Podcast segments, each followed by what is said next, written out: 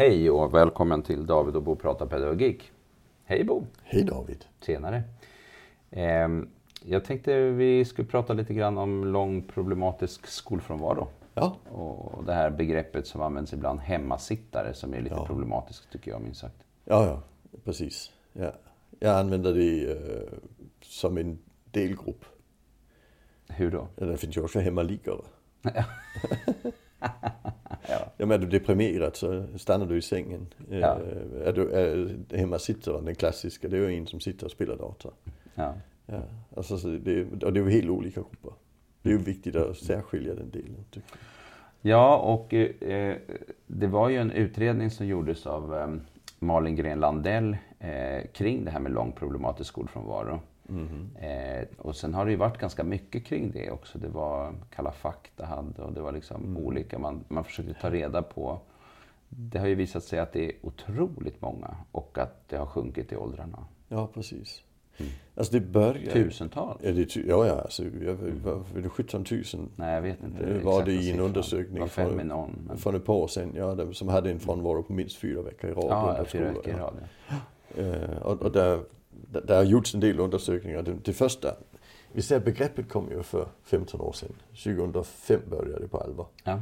Och det var för att det kom en explosion eh, då i eh, lång problematisk skolfrånvaro. Och det var i samband med publiceringen av World of Warcraft. Ah.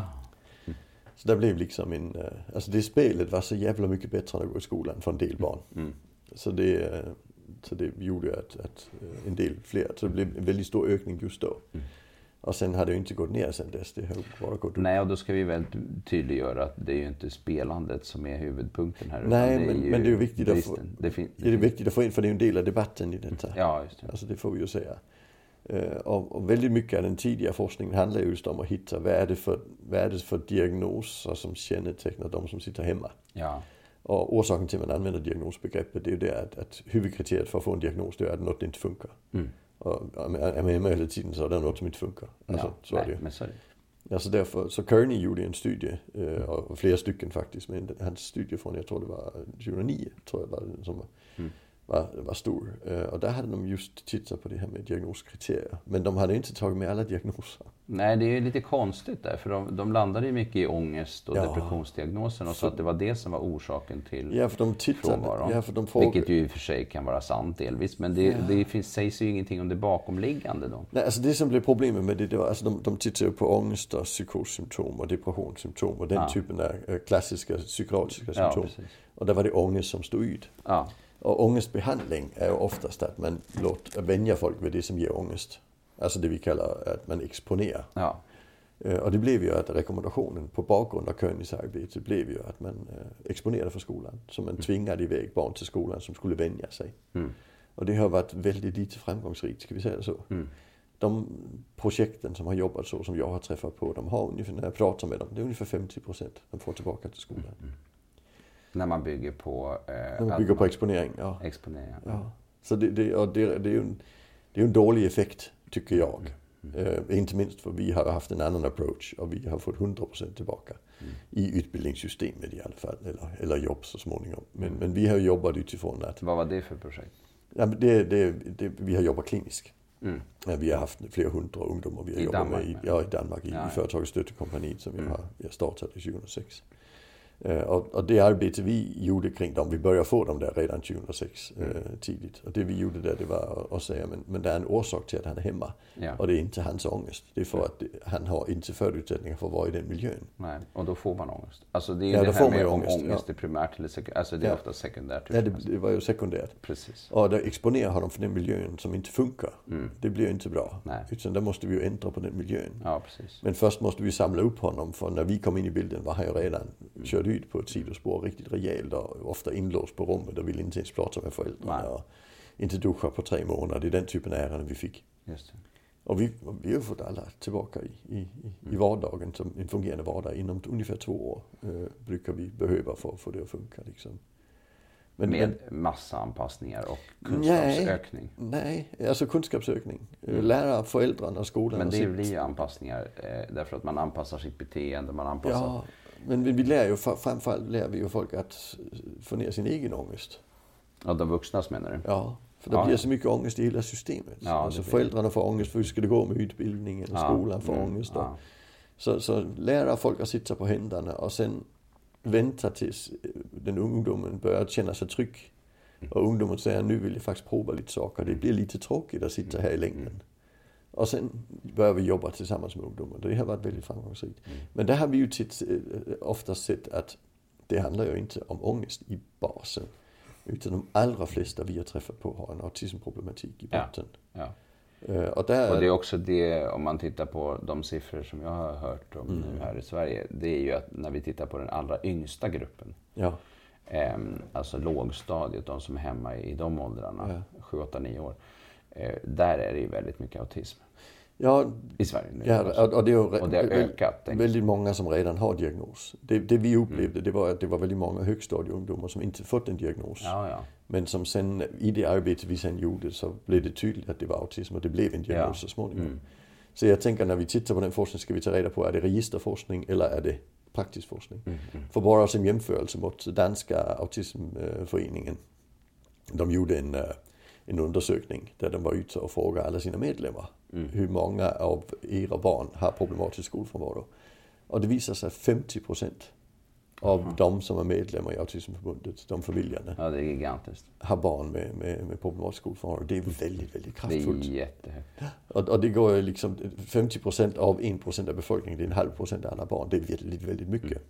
Men det, det finns ett problem då eh, med den forskningen som kom fram när man har pratat mycket om just ångest och depression och inte eh, förstått att det, att det finns, för, för i, i den här gruppen med långproblematisk skolfrånvaro så är det ju inte enbart NPF, det finns ju Nej. annat också, men det är väldigt mycket. Det är väldigt mycket. Och Det det framförallt i de, den där yngsta gruppen är det en jättestor andel har jag förstått det som.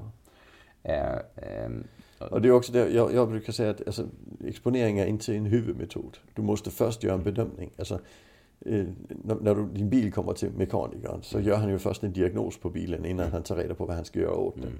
När du kommer till läkaren så gör de en diagnos innan de sätter in behandling. Och det behöver vi ju göra. vi måste göra en rejäl också. analys. Ja, och, och den analysen får inte bara vara ytlig. Nej. Och det, det är lite för ytligt att säga ångest Ja. utan att reda på varför ångest är det. Det är ännu mer ytligt med det här diagnosförslag som heter eh, databeroende, dataspelsberoende. Mm. Det är ett diagnosförslag i DSM-5 som kanske kommer. Och om det blir en diagnos, den är ju helt meningslös. Mm. Och han sitter hemma och spelar data, han är dataspelsberoende. Ja, han sitter hemma och spelar data. Men det är inte säkert att det är för att han är beroende av data. Det kan vara för att han inte klarar av en annan miljö och då är det den enda som Ja, finns. precis. Och, där, och därför den diagnosen kan bli besvärlig om vi använder diagnosbegreppet. Ja. Så vi måste ju ner i nivån under och säga vad, vad är det Vad faktiskt? handlar det om för någonting? Här, ja, och, och min erfarenhet det är, alltså i högstadiet är det väldigt ofta de sociala kraven. Mm. Alltså kompisar och så som, som inte funkar. Det kan också vara... Och miljön eh, Ja, kan det också vara. Ja, men ju yngre barnet är, ju mer spelar miljön in. Det är min Ja, erfarenhet. nej, jag bara tänker på det här med ljud och, Ja, men och det- att det är ja. många som tycker att det... Ja, Ja. Mm, Men där, där, där upplever vi att har du ett barn som har problematisk skolfrånvaro i ettan eller tvåan. Mm, då är det väldigt mycket det. Det är stort sett bara miljön som spelar in. Men är, är det i högstadiet då är det oftast den sociala Mycket som är den viktigaste. Sen kan ju den stressen göra att man blir känslig för miljön också. Men, men det liksom, alltså man kan säga under de här åren så skiftar liksom Mm. Vad det är grunden i, i det. Så, så vi måste in och titta på hur fungerar eleven socialt, hur fungerar eleven i miljön. Just det. Det de två sakerna tycker jag absolut är viktigast. Och sen den tredje, det är ju, eh, de rent skolmässiga kraven. Att man är hemma för att, att man inte lär sig att smacka men inte fattar vad som pågår. Nej. Det, det är ju också en, en faktor. Just det. Och jag, jag tänker på, det kom ju då tre böcker ganska kort in på varandra. Det var dels Malin Gren Landells bok, hon som gjorde då den här eh, eh, statliga utredningen som heter Främja närvaro. Eh, som är en ganska bred bok där hon också beskriver vad som behövs. Och, och eh, sen kom den här eh, Låga för bemötande och problematisk skolfrånvaro. Eh, eh, som plockar upp det här NPF-perspektivet väldigt mycket. Ja, det, jag tycker det är en Eh, väldigt, väldigt bra bok. Jätte, Ja. Mm. jätte, jätteviktigt. Det är Eh, Maria Bühler och eh, Annika Karlsson och Therese Österholm. Anneli. Karlsson, Ja. ja. Therese Österholm. Ja. Ehm, eh, och sen kom också då ehm, Anna Borg och Gunilla Karlsson Kendas bok Nytorpsmodellen. Mm. Som väl ehm, eh, är ett arbetssätt, ett systematiskt arbetssätt kan man Ja. säga. Mm. Och, det som kommer fram i alla de här böckerna är egentligen det här med, med systematiken och någonting kopplat till uthållighet.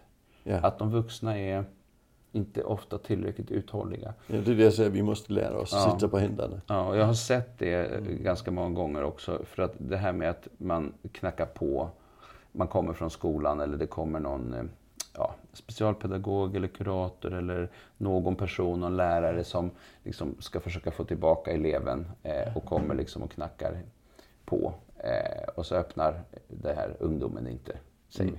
Precis. Eh, och sen så kommer man tillbaka en gång till och så knackar man på så uh, uh, uh, händer ingenting heller. Och, och sen så kommer man och knackar på och då står det en stor skylt på dörren där det står typ stick och brinn, dra åt helvete Ja. eller någonting. Och så knackar man på och sen kommer man tillbaka igen och så plötsligt så är dörren på glänt. Liksom. Alltså, Det är så vi har jobbat. Ja. vi, alltså, Att det här- att lämna inte en- ge upp Ja, någonstans. Mm. lämna en pizza utanför dörren. Alltså liksom, och, och fortsätta, fortsätta, fortsätta. Ja. Och, och jag tror att det där, att orka med det och att Ja. ge tid till det och att eh, förstå att det här kan faktiskt leda till någonting på sikt. Jag har också sett att man byter folk ibland i de här systemen för att det här är ju så jobbigt att jobba med det här. Ja. Eh, så då byter man till någon annan och då blir det någon ny som ska börja från scratch. Liksom. Det funkar inte. Nej, Jag har också varit med om att man bygger en relation med någon och sen när, när eleven då är redo att börja skolan, ja, då byter man ut den personen för då ska han jobba med en annan som Ja. sitter hemma. Det är så jävla korkat. Ja, då, då funkar det liksom Nej. inte. Så att det är ju, det är ju en, en, ett, en, en enorm samhälls, stor samhällsfråga egentligen. Hur ska vi få det här att funka?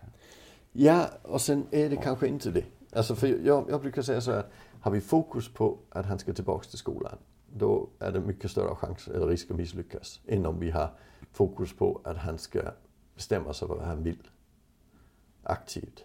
Ja, ja, att börja bli aktiv, ja. Överhuvudtaget. ja men att det är aktivt, för det är ett passivt beslut att säga jag vill inte. Det är ett aktivt beslut att säga jag vill. Ja, jo. Mm. Och då kan vi ju strunta i vad det är han vill. För det vi såg, det var att de första vi hade där 2005-2007, de har ju allihopa klarat sig jättebra. Mm. Alltså de satt hemma två, tre år och sen kom de tillbaka ut och de har gått vidare i utbildningssystem, de har fått jobb. Eh, Och det är väldigt hoppfullt. ja, alltså det har gått jättebra. Eh, En del, alltså till och med så att de som satt hemma och spelade World of Warcraft har ju allihopa klarat sig bättre än vi kunde förvänta utifrån deras skolgång. Ja, Eh, en del, jag har träffat eh, ungdomar som har lite svårt för sociala relationer. ja. Men som idag är chefer.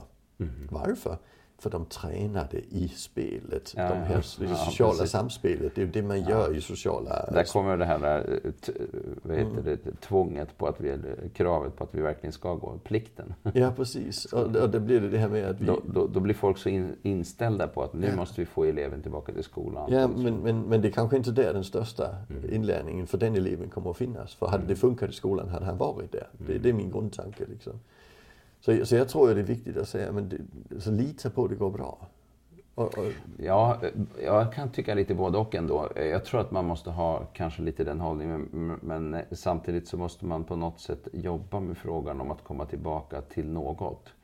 Måste man göra. Ja, men, men, men, Inte men, bara låta det vara. För att, Nej, men, men det, ska, det, ska inte, det ska vara jobba på att eleven vill något och sen går vi den vägen. Ja, just det. Mm. Och sen, sen är det ju så att alltså, det, det kanske tar längre tid innan personens utbildning är klar. Men det finns ju en föreställning i samhället om att hopp, alltså, slutar man skolan i åttonde klass så är det rökt. Du kommer aldrig tillbaka.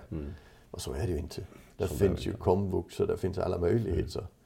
Alltså, eh, jag pluggade gymnasiet på komvux och det gick ju hyfsat bra. Alltså, Jo, men det var du det. Nej, ja, men jag, min, min, min fru hon pluggade två månader på gymnasiet och hon har en, en filkanda barnmorska. Ja. Hon har aldrig gått Nej, i men- gymnasiet. nej, men Min son det- hoppade av och blev sen student som 26-åring och Ja. idag eh, vidareutbildad, som utbildar sig och har bra jobb. men jag tror att det är svårt att ta dem. Jag tänker på den forskning som säger också att vi har väldigt många unga personer med till exempel autism. Ehm, Det går bra för många, men det är också väldigt svårt för många. Ja. Därför att det är så svårt, svår arbetsmarknad vi har. Mm. Eh, och vi har, vi har liksom... Eh, det är så stora, ställs så stora krav på folk idag. Ja. Man ska liksom... Ja, det är ju socialt på väldigt många... Just nu är det corona, så nu är det väldigt Ja. mycket mindre socialt än annars. Men, Men, men ja, ja, det är också Men, något eh, som jag har sagt i 20 år som jag tycker är viktigt att säga Ja. hela tiden. Och det är att det är ingen som kan leva på det man inte är bra på. mm, nej. Alltså, så, så vi ska ju inte hålla på och harva i det som eleverna är dåliga på. Vi ska ju harva på det eleverna är bra på. Så, och där har vi ju ett dilemma eftersom skolan är bred och då ja. kommer vissa att vara jättedåliga på vissa saker. Men också i arbetslivet Men, men, men har, har, du, har du sen varit ute ur skolan i något år i en problematisk mm. skolfrånvaro, då ska vi ju inte säga att nu ska vi få låga betyg i alla ämnen. Då ska vi säga, hur kan vi stimulera lärande i det du är bra på? Mm. För då kan du kanske hitta en alternativ yrkesväg in i det. Mm. Ja. Mm. Men, men att utbilda brett när vi har ett hål, mm. det blir inte bra. Nej, men det är ju det, det man ofta säger till. också när det gäller till exempel personer med autism. Att utgå ifrån, det är ju som en pedagogisk strategi, utgå ja. ifrån intressen till exempel. Precis. Försök att se om det går att hitta ett lärande utifrån intressena. Och, och, och där får jag säga att alltså, det är även knasiga intressen. Jag har ju en son. Ja, ja. Jag, jag, har ju en son som är väldigt intresserad i träd. Mm. Och, och, nu jobbar han med träd. Ja, precis. Arborist. Alltså, ja, han är arborist. ja. Men, men alltså hans väg har ju varit inte spikrak just för att, att det andra han inte var intresserad i, det var inte så kul. Nej. Alltså, så, men, men, men det gick ju att ta sig den vägen så småningom. Mm. Alltså, och det är, alltså, så, så, det är ju inte betygen som gjorde att han blev arborist. Det var ju ett, nej, nej. det är en väldigt svår utbildning att komma in på. Ja. Men det är ju arbetsprov. Han, han ska ut och klättra i träd och visa vad han kan. Liksom. Ja, och, och, där var han ju en stjärna. Så det blev ju jättebra. Alltså, eh, så, så jag tänker, det, man ska leva på det man är bra på. Så, så, när vi ska hitta tillbaks, då måste vi ju hitta tillbaks i intresset och kompetensen istället ja, det är det, som är så, Jag tänker att det är det som är så hårt med skolan på något sätt. För det finns någonting väldigt nedbrytande för de som inte är bra på skolan. Ja. På att skapa, skapa något vettigt utav skolan. Ja. Alltså, att, man, att bara känslan av att jag är en dålig person, jag är inte på rätt plats, det här funkar inte, jag är inte bra på det här. Det är ju ett jättedilemma. Ja. Och vi har inte så många jobb där man, som, där man kan komma till utan att kunna något. Mm, nej. Men, men, men däremot har vi ju många jobb där det man ska kunna inte är det vi lär oss i skolan. Nej, just det. Ja, så, så det gäller ju att hitta sin väg. Mm. Och även mm. lita på att ungdomar kan det. Ja, precis. Och det är svårt när han sitter hemma och spelar dator. Alltså det kan jag förstå. Mm, mm. Jag har också haft en sån unge. Ja, det är han med, med träden. Så, men, men det blev ju bra. Mm. Alltså, och där får man liksom tänka, men hur, hur kan vi hjälpa honom att, att, att våga gå den vägen han vill? Istället för att vi ska pressa in honom i mallen. För jag tror, när, alltså, jag tror på att skolförvård handlar om att barnen inte passar i mallen. Ja, det är ju ganska tydligt så i väldigt, väldigt många. Det finns ja. ju lite annat också där en del som är mycket hemma för att de har ja, men psykiskt sjuka föräldrar och måste vakta eller se till. Ja, men det, men det, vi kallar klassisk skolfobi. Ja, precis, ja. precis. Men, men, eh, ja. Men hur tror du, tror du viten är en väg att gå då? Nej, absolut inte. ja, vi, vi skrattar rått när vi säger vite. men det är, för jag, jag har träffat på en del familjer som har fått vite och det hjälper ja, inte ett smack. Det hjälper inte ett smack. Nej, det är den det, mest det... utsatta gruppen och så får man vite och, och, och ja. det hjälper inte ett smack. Det är bara, det är en otroligt korkad. Alltså det är också det här att skicka någon till, att som förälder skicka en gråtande barn till eh, skolan för att sen komma och hämta barnet en timme senare för att det gick ju inte. Alltså. Det är en sak. Sen har jag också träffat en, en tös som faktiskt gick till skolan för att föräldrarna skulle få vite. Mm. Men hon lärde sig inte ett smack. Nej. Alltså för hon satt ju bara av tiden. Ja. Och, och, stängde ner för det och var för svår miljö. Mm. Så det, det, var en korkad insats. Mm. Alltså, får man säga. Även om den på pappret var effektiv så var den ju inte det. Nej. Nej. Så det där, ja, det där blir... Nej, men det krävs oerhört stora ansträngningar. Och eh, jag tycker fortfarande att det är... Jag tycker att jag hör alldeles för mycket av svårigheterna med att få till ett bra samarbete mellan skola, socialtjänst och barnpsykiatri. Ja, det ligger också en del i det, att, mm. att man, man bollar runt ansvaret på detta. Ja. ja. Den är jätteproblematisk. Vi har alltid jobbat åt socialförvaltningen, så även om det var skolfrånvaro så... Och det handlar om den danska lagstiftningen. Ja. Så när, när ingen tar ansvar är det socialförvaltningens ansvar. Ja. Mm. Men det har vi ju inte i Sverige. Ja. Så socialförvaltningen säger att det är ett skolproblem. Mm. Och skolan säger att det är ett familjeproblem. Ja. Och, och sen händer det inte ett smack. Och det är ju det är bara en skandal.